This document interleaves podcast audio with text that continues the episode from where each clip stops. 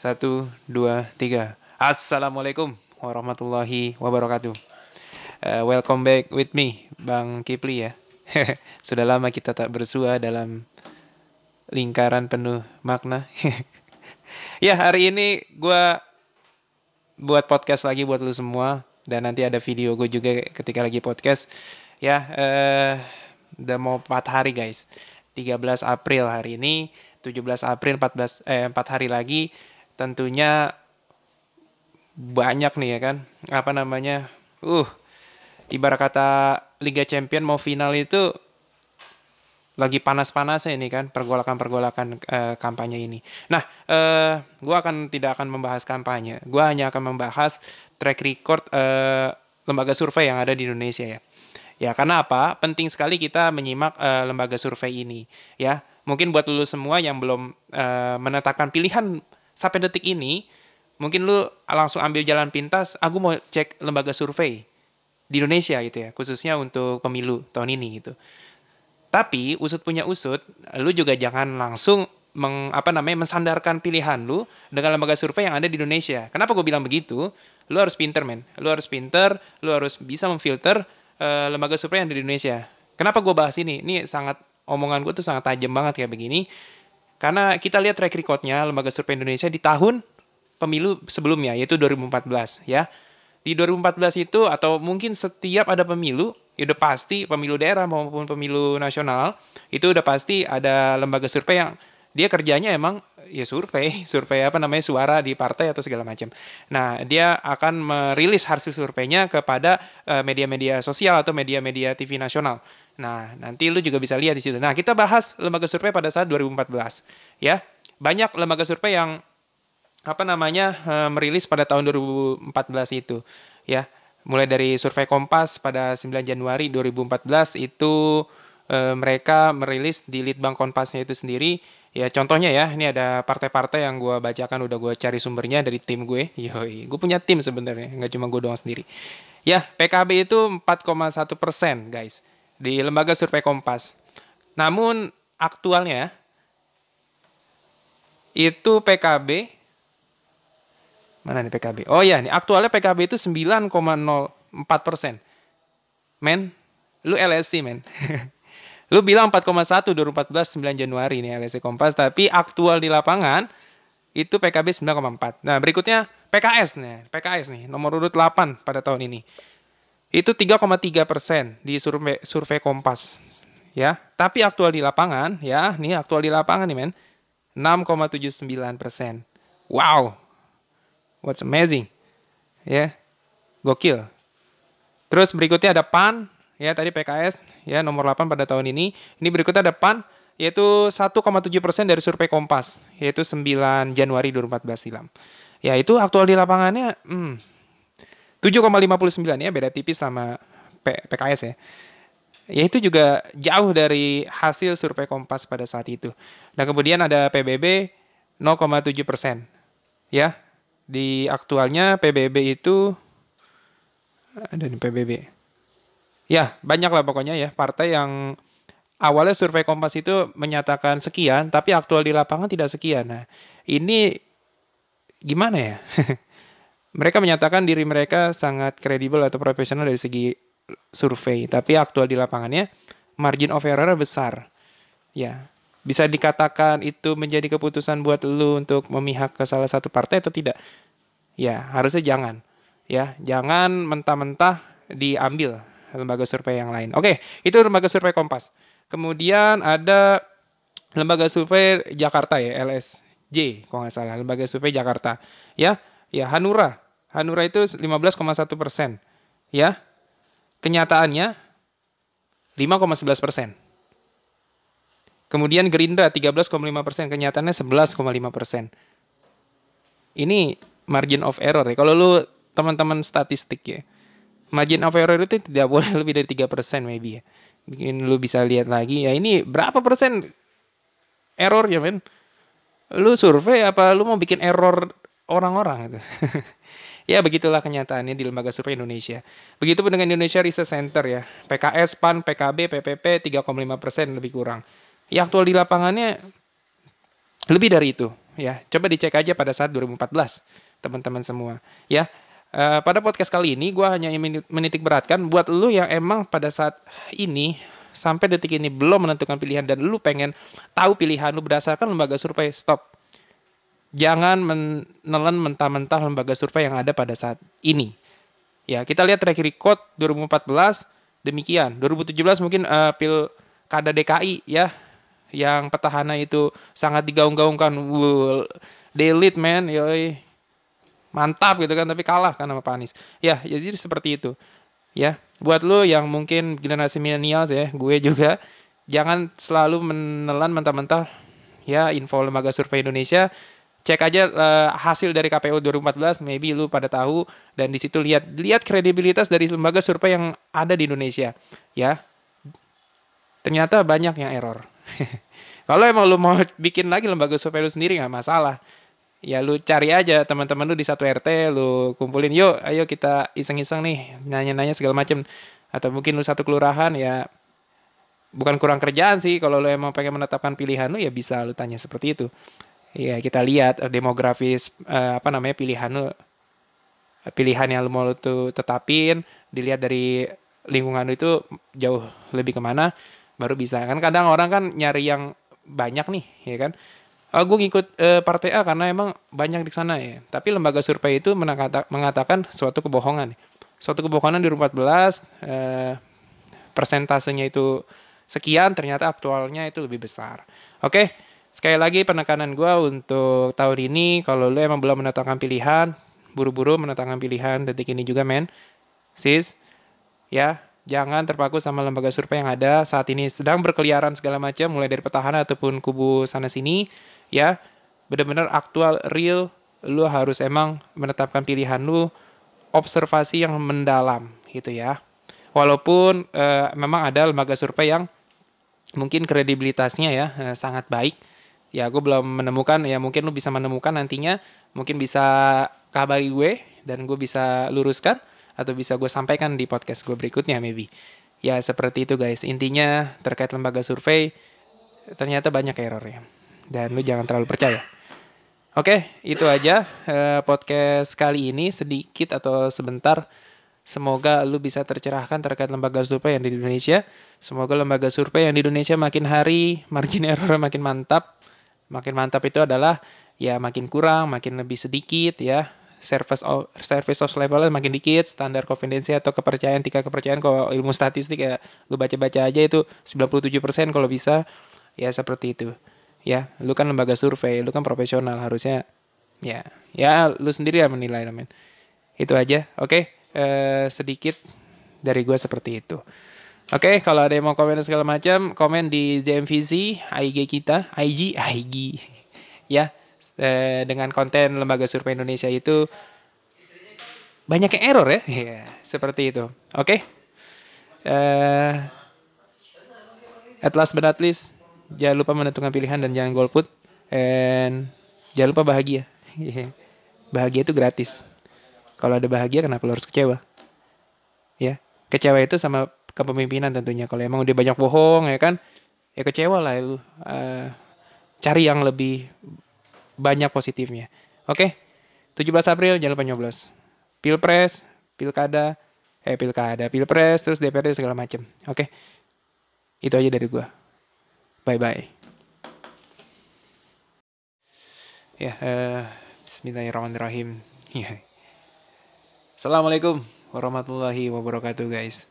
Uh, welcome back with me, Bang Kipli again di hari yang cerah, secerah hatiku. Ya, yeah. sebenarnya gue lagi kelam men. Gue malu sama bendera belakang gue, bendera pusaka merah putih. Kenapa? Uh, ya, yeah, everybody knows. Lately, one weeks ago, ya yeah, berita-berita nasional itu sedang marak tentang ya gue akan bahas ini tentang kecurangan. Hah, kecurangan selama pemilu 2019. Ya, malu gue sebenarnya di belakang ada bendera ya. Kita sebagai bangsa Indonesia ingin memilih pemimpin, ingin memilih wakil rakyat, tapi banyak kecurangan, men. Gitu. How dare you? berbuat curang untuk memenuhi hasrat memimpin suatu negara. Ya. Sungguh sangat keji. Dan buat lulu semua, tolong jangan pilih orang yang curang. Pilihlah dengan integritas tinggi, para caleg terutama yang akan menduduki kursi prestisius di Senayan ya, yaitu di DPR. Jangan sampai orang-orang curang yang akan memimpin atau mewakili kita, bahkan yang memimpin negeri ini, RI 1 dan RI 2. Mantap. Well, sebenarnya kecurangan pemilu itu ya setiap pemilu ada sih sebenarnya ya. Dari 2014 2009 2009 ya nggak ada sebenarnya sih sejarahnya mungkin ya, ya lu, lu baca aja lah. Sejarah-sejarah sebelumnya track recordnya lu bisa searching. Pokoknya nggak ada 100% tanpa pemi apa namanya tanpa kecurangan. Tapi harusnya kita harus belajar kan dari pengalaman. Ya. Belajar ya kaum terdidik intelektual. Wahai baik kubu A kubu B ataupun partai satu sampai partai yang mana gitu kan? Ya lo harus ya belajar gitu. Harus dari tahun ke tahun diminimalisir kecurangan bukan malah menambah kecurangan itu di pemilu berikut atau bahkan mengulangi gitu. Ya menarik gitu ya. Karena penyakit itu penyakit gampang diobati ya penyakit fisik ya lebih terutama. Tapi kalau penyakit hati berupa ketidakjujuran men. Kayak membutuhkan effort usaha yang lebih parah buat lu untuk merubah 180 derajat perilaku lu itu tentang menyimpang atau ketidakjujuran atau berbuat curang. Karena dalam ilmu psikologis ketika lu misalnya dalam suatu perusahaan melakukan fraud atau lu ambil tuh duit perusahaan lu dikeluarin dan lu masuk perusahaan berikutnya ada emang psikologis lu akan melakukan sesuatu hal yang sama. Ya karena lu pernah melakukan itu dengan cara lu sendiri. Ya beginilah uh, pemilu yang ada di Indonesia. Setiap tahunnya selalu ada kecurangan dan tidak berkurang kecurangannya ya. Menarik ya 2014 kita lihat ya money politics eh, everyone knows uh, well known lah di masyarakat money politics siapa ya? Ya gue dapat amplop nih dari si A si B si C sampai Z. Ya lihat yang paling gede aja ya kalau gue ini ya gue pilih kalau enggak enggak. Ya masyarakat kan awam ya kan men? Tinggal lu aja wahai para calon kursi ya menduduki kursi DPR di Senayan maupun menduduki kasta tertinggi di Indonesia RI 1 R2 ya kalau lu nggak ngasih, ya nggak ada tuh money politik. Masa rakyat minta-minta ke lu ya? Ya mungkin ya ya gua nggak tahu ya. Ya pasti masa rakyat minta ke lu pak, minta duit dong gue mau nyoblos lu enggak. Ya masa begitu sih. lu aja sibuk kan keliling-keliling gitu men guys ya money politik sudah sering uh, kemudian penggelembungan suara ya kemudian pencoblosan ulang aduh pencoblosan ulang mulai dari biaya naik segala macam capek ya. Dibayar sama tuh petugas. Tahu dibayar lagi apa enggak tuh? Ya begitulah. Ya pelanggaran kode etik ya perhitungan ulang ya. Banyak lah di berbagai daerah-daerah ya. Di Jateng, Gorontalo segala macam ya di 2014 men. Kita lihat track recordnya 2019 mulai dari 2018 ya tapi gue bahas dari yang freshnya masih fresh di benak lu semua di media sosial sekarang masih fresh adalah ya you know ya lu pada tahu semua kan? Hmm, temuan surat suara yang sudah tercoblos di Malaysia men. Di negara Upin Ipin datu. Atu gimana nih Atu? Aduh Kak Ros. Aduh ke mana Kak Ros nih?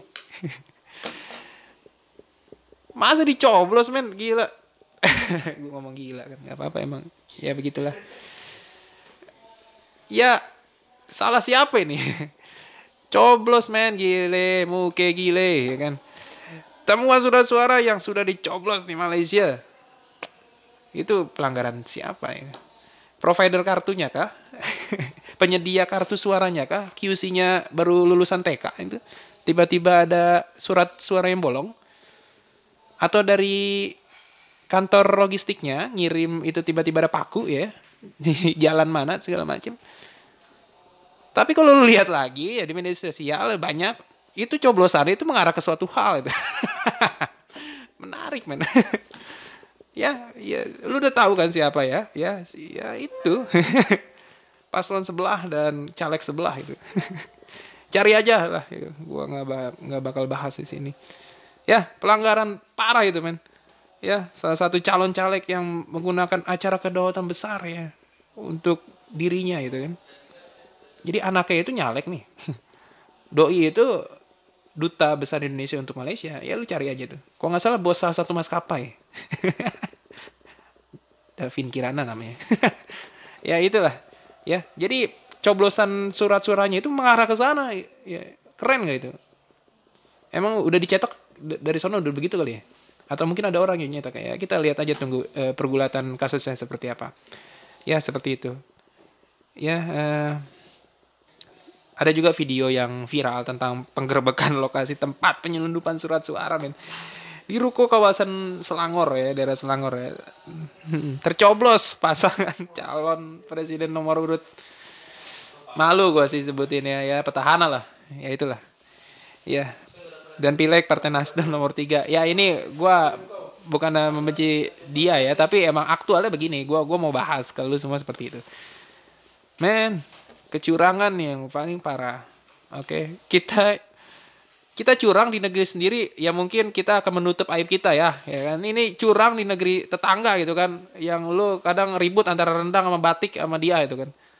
Ini dicoblos di Malaysia gitu kan mungkin di kita itu RT RT udah sangat solid ya kali ya. Jadi bawa suatu PPS-nya bagian kelurahan udah mantap gitu kan. Jadi mungkin nggak ada celah untuk ini. Tapi ya mungkin di negara lain ya maybe cincai kali ya. Ya ya buktinya gini kan tercoblos ke salah satu paslon. Ya malu sih. Hmm. detik-detik akhir men. Ya lu lu salah satu pendukung itu ya lu introspeksi lah. Lu mendukung yang curang atau gimana? Ya gitu banyak ya. Kemudian CNN tanggal 11 Maret dalam beritanya yang dimuat oleh CNN ya. 2019 nih 11 Maret baru fresh juga. Ya Bawaslu mencatat total 6.274 ya eh, pelanggaran pemilu dimulai sejak September 2018 ya. Jadi Bawaslu itu kerjanya memantap juga sih. Dia emang dari sebelum pergulatan akbar ini ya mantap ya top lah ya. Semoga diberikan kesehatan semua panitianya eh, diberikan integritas yang terpenting untuk adil ya karena lu nantinya yang akan merekap segala macam lu dan lu juga akan diminta pertanggungjawaban kalau lu nggak adil. Itu curang. Well, eh CNN uh, tadi udah gue bahas ya, 6.274 pelanggaran. 5.985 itu ya dari Bawaslunya yang mencatat. Dan 601-nya sisanya itu dari masyarakat sekitar. Jadi lu nih lu, lu pada nih yang punya Android atau punya iOS ya atau smartphone eh, lu bisa lah. Zaman sekarang itu bisa Twitter aja kalau lu ngetek apa TMC Polda Metro Jaya atau jalan tol ya nanti lu akan dibalas itu kan. Sedekat itu ya kan internet zaman sekarang ya. Lu juga bisa kalau ada kecurangan lu catat lu sebarkan eh lu sebarkan. Apa lu laporkan sorry. Ini ada 601 laporan masyarakat keren. Jadi jangan tinggal diam itu ya. Ya karena kan kejahatan itu banyak melanda itu karena orang baik itu diam men. Ya gue baik ya nih semoga baik ya. Amin. Ya gitu jadi jangan diem aja, baik kubu A, kubu B atau partai cendol sampai partai duri, durian ya kalau ada masalah ya ya lapor lah gitu kan. Gitu. Jangan diambil uangnya. Keren kali money politics. Ya, seperti itu ya. Terus juga ada tren saling apa namanya? Saling lapor ya. Yo, ini main adu-aduan nih ke guru BK kayak zaman SMP atau SMA dulu nih. Bapak-bapak itu tuh itu celananya beji, Pak. Iya. Ya begitulah zaman sekarang ya pemilu emang kadang kayak anak kecil gitu ya. Tren saling lapor ya. Cuman pas lagi dipanggil ke guru BK ya, guru BK nih anggaplah Bawaslu ya. Ya sini sini ayo kumpul. Mana nih uh, datanya? Eh nggak ada ya kan? Gimana ini? Jadi cuman saring lapor aja tapi caleg A, caleg B segala macam tapi nggak ada datanya ya. Ya gue juga bisa ngelaporin itu semua itu tapi tanpa ada data. Wahai kaum kaum intelektual ya, mainkan data lah. Gue aus nih, minum dulu. Ya seperti itulah tren saling lapor ya. Terus pelanggaran banyak ya. 6274 main 6000. Tahu tuh pelanggaran apa kartu kuning ya. ya, selanjutnya adalah tadi dari CNN. Kemudian dari IDN Times. Eh, tanggal 9 apa nih? 9 April ya. Yang terbaru juga nih. Ya. Sama, 6649 ya. September 2018 sampai 25 Maret 2019. 548 itu dari total 6.600 itu adalah pidana pemilu. Amazing. Ya, pelanggaran administrasi yang paling dominan yaitu 4.759 dari total yang tadi gue sebutin di Indian Times yaitu 6.649. Ya, contohnya ada 107 kode etik. Ya, kode etik itu ya ya kan setiap lu ini ada kode etiknya, ada SOP-nya lah kalau bahasanya dan lu melanggar hal itu ada kok kode etiknya lu baca aja susah banget sih baca kasus terbanyak di Jawa Timur men. 3200 eh 3002 kenapa nih Jawa Timur ya? Terus sisa 571 di Sulsel, 470 di Sulteng, 390 di Jabar. Ya, dari laporan itu Bawaslu belum memproses semuanya ya. Semua pelanggaran itu yaitu 61 pelanggaran telah diputus pidanakan. Jadi udah diproses 52 berkekuatan hukum tetap dan 9 sedang diproses ya jadi seperti itu guys jadinya setiap pemilu itu ya pasti ada kecurangan ya gue bilang pasti ya tergantung orang yang ada di dalam lingkungan itu ya kalau lu bagi lu agama Islam lu sudah mempelajari Islam lebih lanjut lalu paham kan kecurangan itu bukan bagian dari Islam. Ya mungkin agama-agama lain juga menjelaskan hal serupa seperti itu. Ya seperti itu kalau membahas agama, tapi kalau membahas akal sehat, ya kecurangan itu tidak ada tempat di mana pun berada itu kan. Dan semuanya itu terjadi ya kalau lu diem, terus lu apatis, lu bilang golput, dan lu bilang apalah segala macam. Nah kalau udah kepilih, yang curang itu kepilih lu baru berbacot-bacot ria ya kan ya ya begitulah emang kadang menariknya negara plus 62 itu kan nggak gue nggak ngatain gue maksudnya ya realitanya begitu. Well uh, buat tuh semua kecurangan itu akan terminimalisir kalau kita juga ikut andil di dalamnya ya. Jangan Bawaslu doang karena Bawaslu segelintir orang doang segelintir orang doang untuk ngurusin berapa ribu kabupaten yang ada di Indonesia berapa ratus kelurahan berapa ratus kecamatan berapa puluh ribu RT RW ya. Puyang gak lo ya puyang anggarannya dari mana? Ya dari negara juga tetap ada kecurangan siapa yang rugi ya kita juga.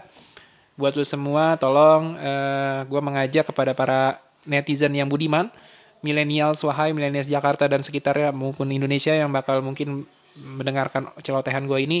Stop kecurangan mulai dari diri kita stop kecurangan mulai dari keluarga kita tetangga kita dan semuanya insya Allah ya kalau dari lu emang udah menetapkan diri gue jujur buat pemilu tahun ini gue yakin kecurangan kecurangan itu pasti akan terminimalisir setiap tahunnya atau setiap pemilu pemilu berikutnya. Gitu. Ya mari gue ajak lu semua untuk ayo kita apa namanya awasi pemilu tahun ini. Lu walaupun bukan petugas dari apa namanya PPS atau kelurahan atau lu bukan KPPS tapi lu juga bisa atau lu bukan saksi dari suatu parpol tapi lu bisa untuk berkecimpung mensukseskan pemilu ini supaya tidak ada kecurangan. Ya itu tidak terbatas oleh apa namanya uh, ruang dan waktu. Yoi. ya lu bisa uh, berkecimpung di situ men. Jadi lu bisa ngelihat nanti tanggal tanggal 17 kalau bisa sholat subuh berjamaah men buat yang kaum muslim ya. Tanggal 17 saya Rabu uh, jemaat Kristen mungkin nggak ini. Ya bisa pantengin terus dari jam 6 kita lihat. Kalau ada gerak-gerik yang mencurigakan karungin aja. Gitu. Jadinya lu semua bukan apa, membuat tegang lingkungan tapi kita harus membersihkan lingkungan kita dari hal-hal kayak gitu men. Malu kan? Kecurangan di RT Durian. Eh RT Durian. RT 01 Durian ya ha. lu di situ. Gue sih malu gitu kan. Ya seperti itu teman-teman. Jadi kita kawal uh, pemilu tahun ini dengan semarak pemilu lu berjudil ya lu berjudil itu apa ya? Gue lupa. Pokoknya jujur adil terakhir ya. Langsung uh, umum ya bebas bersih ya gitu. Sorry kalau salah ya. Uh, seperti itu teman-teman sekalian. Ya pokoknya lu harus kawal dari awal hingga akhir. Ya gue sih menyarankan ya nggak wajib juga sih. Tapi kalau lu pekat tapi lu kalau peduli sama pilihan lu kalau lu peduli sama bangsa ini dari lu dari tindakan lu itu akan merubah mindset akan merubah uh, gelombang pemilu itu ke depannya akan terminimalisir itu yang namanya kecurangan ya. Oke karena di TPS itu banyak uh, apa namanya momentum kecurangan yang akan diinikan ya. Dan lu sebagai warga negara yang mantap jiwa mantap jiwa nihongo. Bukan sorry sorry. Itu cuman ini ya youtuber keren itu. Sayangnya kenapa pas lagi kuliah lu belum terkenal sih susah gue ngerjain kalkulus ya gitu uh, buat teman-teman sekalian, uh, eh, gue berulang kali gue bilang, ayo kawal pemilu ini jangan sampai ada kecurangan. Kalaupun emang udah ada kecurangan yang lagi viral zaman sekarang, ya stop. Uh, kalau bisa lu cross check lagi pilihan lu. Kalau emang yang lu pilih itu curang, ya lu introspeksi diri lu. Ya lu pantas gak memilih yang curang. Soalnya banyak juga yang gak curang. Lu searching juga. Ya contohnya partai yang tidak terkorup itu banyak juga. Eh ada juga. Gagasan politik yang mantap juga ada. Ya lu searching aja. Ya ya internet oh udah mantap nih. Ya udah mau 5G kayak oke terima kasih dari gua. Tadi awal gua sedikit lemas dan sekarang semangat lagi karena ingin mengajak lu semua untuk mengawasi pemilu men. Oke semoga tidak ada kecurangan di RT lu atau di lingkungan lu terima kasih assalamualaikum warahmatullahi wabarakatuh Edlat Benaslis jangan lupa bahagia dan bye bye Sudah.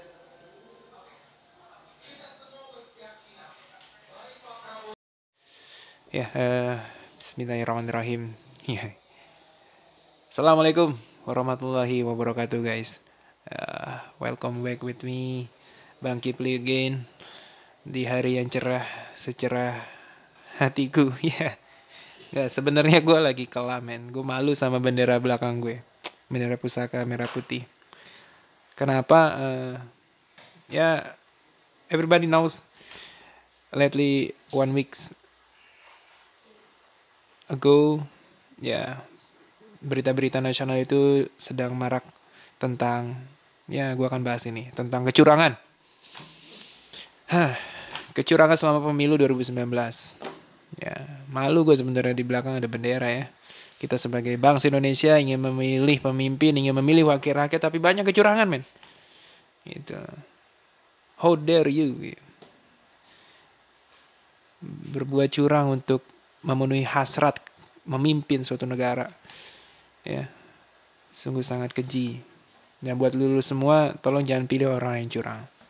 Pilihlah dengan integritas tinggi, para caleg terutama yang akan menduduki kursi prestisius di Senayan ya, yaitu di DPR.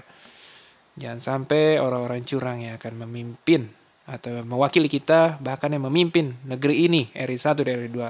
Mantap. Well, sebenarnya kecurangan pemilu itu, ya setiap pemilu ada sih sebenarnya ya. Dari 2014, 2009, 2009 ya nggak ada sebenarnya sih sejarahnya mungkin ya, ya lu, lu baca aja lah. Sejarah-sejarah sebelumnya track recordnya lu bisa searching.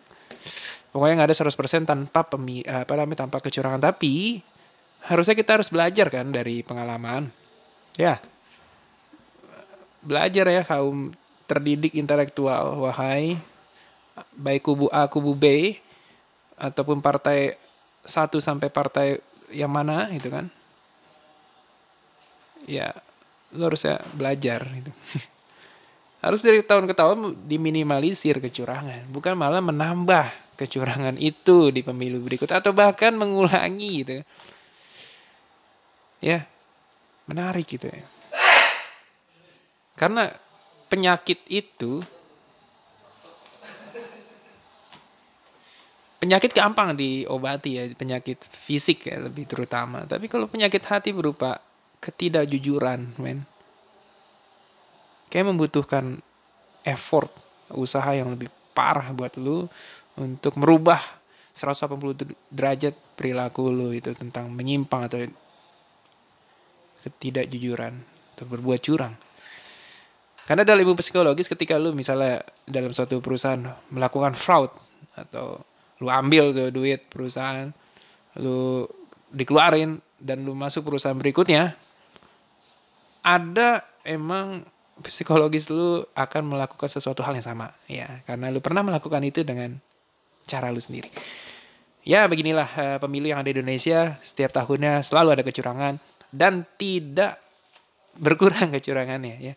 Menarik ya 2014 kita lihat ya money politics eh, everyone knows eh, well known lah di masyarakat money politics siapa ya? Ya gue dapat amplop nih dari si A si B si C sampai Z. Ya lihat yang paling gede aja ya kalau gue ini ya gue pilih kalau enggak enggak ya masyarakat kan awam ya kan men.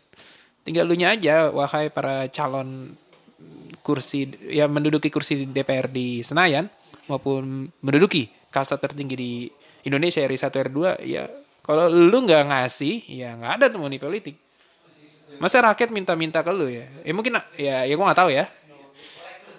Ya pasti masa rakyat minta ke lu pak, minta duit dong gue mau nyoblos lu enggak. Ya masa begitu sih. lu aja sibuk kan keliling-keliling gitu men guys ya money politik sudah sering uh, kemudian penggelembungan suara ya kemudian pencoblosan ulang aduh pencoblosan ulang mulai dari biaya naik segala macem capek ya. Dibayar sama tuh petugas. Tahu dibayar lagi apa enggak tuh? Ya begitulah. Ya pelanggaran kode etik ya perhitungan ulang ya banyak lah di berbagai daerah-daerah ya. Di Jateng, Gorontalo segala macam ya di 2014 men. Kita lihat track recordnya 2019 mulai dari 2018 ya tapi gue bahas dari yang freshnya masih fresh di benak lu semua di media sosial sekarang masih fresh adalah ya you know ya lu pada tahu semua kan? Hmm, temuan surat suara yang sudah tercoblos di Malaysia men. Di negara Upin Datu. Atu gimana nih Atu? Aduh Kak Ros. Aduh ke mana Kak Ros nih? Masa dicoblos men? Gila gue ngomong gila kan nggak apa-apa emang. Ya begitulah. Ya salah siapa ini? Coblos men. Gile muke gile ya kan? Temuan surat suara yang sudah dicoblos di Malaysia. Itu pelanggaran siapa ya provider kartunya kah? Penyedia kartu suaranya kah? QC-nya baru lulusan TK itu. Tiba-tiba ada surat suara yang bolong. Atau dari kantor logistiknya ngirim itu tiba-tiba ada paku ya di jalan mana segala macam. Tapi kalau lu lihat lagi ya di media sosial banyak itu coblosan itu mengarah ke suatu hal itu. Menarik men. ya, ya lu udah tahu kan siapa ya? Ya, ya itu. Paslon sebelah dan caleg sebelah itu.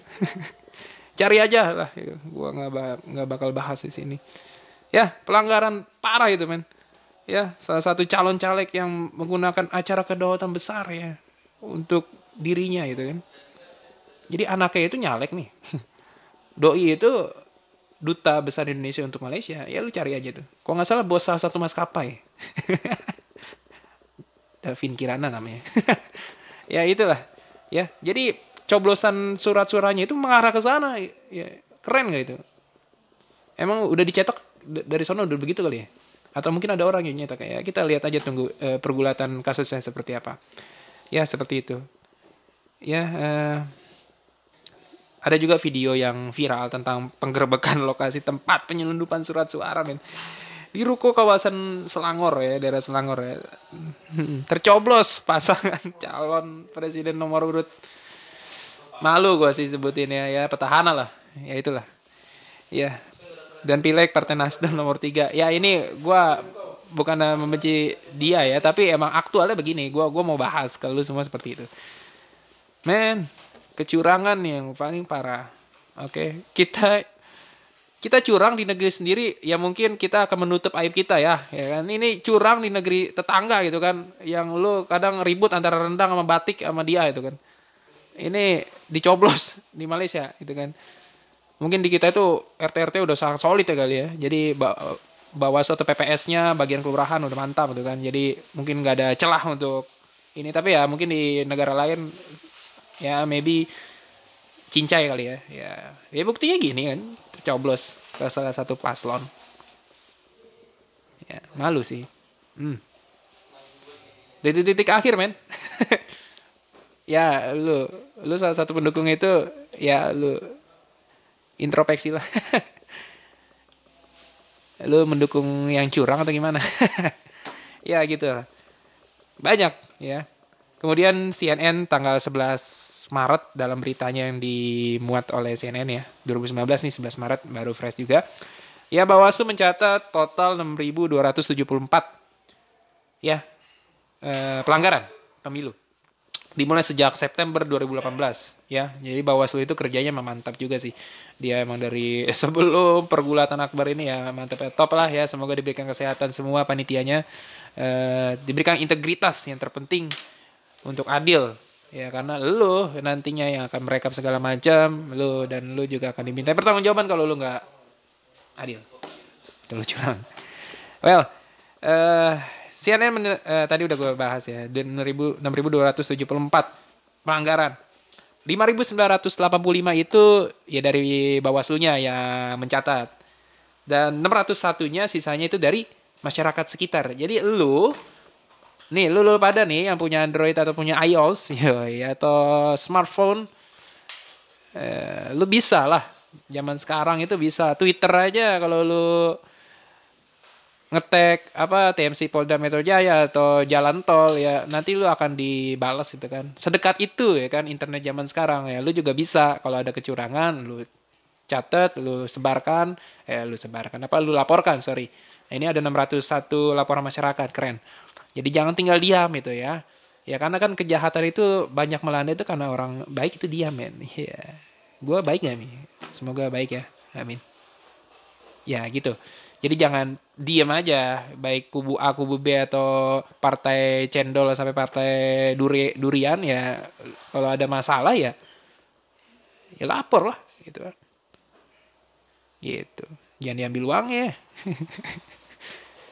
keren kali money politics ya seperti itu ya terus juga ada tren saling apa namanya saling lapor ya yo ini main adu-aduan nih ke guru BK kayak zaman SMP atau SMA dulu nih bapak-bapak itu tuh itu celananya beji pak iya ya begitulah zaman sekarang ya pemilu emang kadang kayak anak kecil gitu ya tren saling lapor ya Cuman pas lagi dipanggil ke guru BK ya, guru BK nih anggaplah Bawaslu ya. Ya sini sini ayo kumpul. Mana nih uh, datanya? Eh nggak ada ya kan? Gimana ini? Jadi cuman saring lapor aja tapi caleg A, caleg B segala macam tapi nggak ada datanya ya. Ya gue juga bisa ngelaporin itu semua itu tapi tanpa ada data. Wahai kaum kaum intelektual ya, mainkan data lah. Gue aus nih. Minum dulu. Ya seperti itulah tren saling lapor ya. Terus pelanggaran banyak ya. 6274 main 6000. Tahu tuh pelanggaran apa kartu kuning ya? ya, lanjutnya adalah tadi dari CNN. Kemudian dari IDN Times. Eh, tanggal 9 apa nih? 9 April ya. Yang terbaru juga nih. Ya. Sama, 6649 ya. September 2018 sampai 25 Maret 2019 548 itu dari total 6.600 itu adalah pidana pemilu. Amazing. Ya, pelanggaran administrasi yang paling dominan yaitu 4.759 dari total yang tadi gue sebutin diIden Times yaitu 66.649. Ya, contohnya ada 107 kode etik. Ya, kode etik itu ya ya kan setiap lu ini ada kode etiknya, ada SOP-nya lah kalau bahasanya dan lu melanggar hal itu ada kok kode etiknya lu baca aja susah banget sih baca kasus terbanyak di Jawa Timur men. 3200 eh 3002 kenapa nih Jawa Timur ya? Terus sisa 571 di Sulsel 470 di Sulteng 390 di Jabar. Ya dari laporan itu Bawaslu belum memproses semuanya ya. Semua pelanggaran itu yaitu 61 pelanggaran telah diputus pidanakan. Jadi udah diproses 52 berkekuatan hukum tetap dan 9 sedang diproses ya jadi seperti itu guys jadinya setiap pemilu itu ya pasti ada kecurangan ya gue bilang pasti ya tergantung orang yang ada di dalam lingkungan itu ya kalau lu ah, bagi lu agama Islam lu sudah mempelajari Islam lebih lanjut lalu paham kan kecurangan itu bukan bagian dari Islam. Ya mungkin agama-agama lain juga menjelaskan hal serupa seperti itu. Ya seperti itu kalau membahas agama, tapi kalau membahas akal sehat, ya kecurangan itu tidak ada tempat di mana pun berada itu kan. Dan semuanya itu terjadi ya kalau lu diem, terus lu apatis, lu bilang golput, dan lu bilang apalah segala macam Nah kalau udah kepilih, yang curang itu kepilih, lu baru berbacot-bacot ria ya kan. Ya, ya begitulah emang kadang menariknya negara plus 62 itu kan. Nggak, gue nggak ngatain, gue maksudnya ya realitanya begitu. Well, uh, buat tuh semua, kecurangan itu akan terminimalisir kalau kita juga ikut andil di dalamnya ya. Jangan bawaslu doang karena bawaslu segelintir orang doang segelintir orang doang untuk ngurusin berapa ribu kabupaten yang ada di Indonesia berapa ratus kelurahan berapa ratus kecamatan berapa puluh ribu RT RW ya. Puyang gak lo ya puyang anggarannya dari mana? Ya dari negara juga tetap ada kecurangan siapa yang rugi ya kita juga. Buat lo semua tolong uh, eh, gue mengajak kepada para netizen yang budiman milenial wahai milenial Jakarta dan sekitarnya maupun Indonesia yang bakal mungkin mendengarkan celotehan gue ini. Stop kecurangan mulai dari diri kita stop kecurangan mulai dari keluarga kita tetangga kita dan semuanya insya Allah ya kalau dari lu emang udah menetapkan diri gue jujur buat pemilu tahun ini gue yakin kecurangan kecurangan itu pasti akan terminimalisir setiap tahunnya atau setiap pemilu pemilu berikutnya. Gitu. Ya mari gue ajak lu semua untuk ayo kita apa namanya awasi pemilu tahun ini. Lu walaupun bukan petugas dari apa namanya PPS atau kelurahan atau lu bukan KPPS tapi lu juga bisa atau lu bukan saksi dari suatu parpol tapi lu bisa untuk berkecimpung mensukseskan pemilu ini supaya tidak ada kecurangan. Ya itu tidak terbatas oleh apa namanya uh, ruang dan waktu. Yoi. ya lu bisa uh, berkecimpung di situ men. Jadi lu bisa ngelihat nanti tanggal tanggal 17 kalau bisa sholat subuh berjamaah men buat lu yang kaum muslim. Ya tanggal 17 saya Rabu uh, jemaat Kristen mungkin nggak ini. Ya bisa pantengin terus dari jam 6 kita lihat kalau ada gerak-gerik yang mencurigakan karungin aja. Gitu. Jadinya lu semua bukan men, apa, membuat tegang lingkungan tapi kita harus membersihkan lingkungan kita dari hal-hal yang kayak gitu men. Malu kan? Kecurangan di RT durian. Eh RT durian. RT 01 durian. Ya ha. Lu di situ. Gue sih malu gitu kan. Ya seperti itu teman-teman. Jadi kita kawal uh, pemilu tahun ini dengan semarak pemilu lu berjudil ya lu berjudil itu apa ya? Gue lupa. Pokoknya jujur adil terakhir ya. Langsung uh, umum ya bebas bersih ya gitu. Sorry kalau salah ya. Uh, seperti itu teman-teman sekalian. Ya pokoknya lu harus kawal dari awal hingga akhir. Ya gue sih menyarankan ya nggak wajib juga sih. Tapi kalau lu peka tapi lu kalau peduli sama pilihan lu kalau lu peduli sama bangsa ini dari lu dari tindakan lu itu akan merubah mindset akan merubah uh, gelombang pemilu itu ke depannya akan terminimalisir itu yang namanya kecurangan ya oke karena di TPS itu banyak uh, apa namanya momentum kecurangan yang akan diinikan ya dan lu sebagai warga negara yang mantap jiwa Mantap pujiwa, Nihongo. Bukan, sorry sorry. Itu cuman ini youtuber keren itu.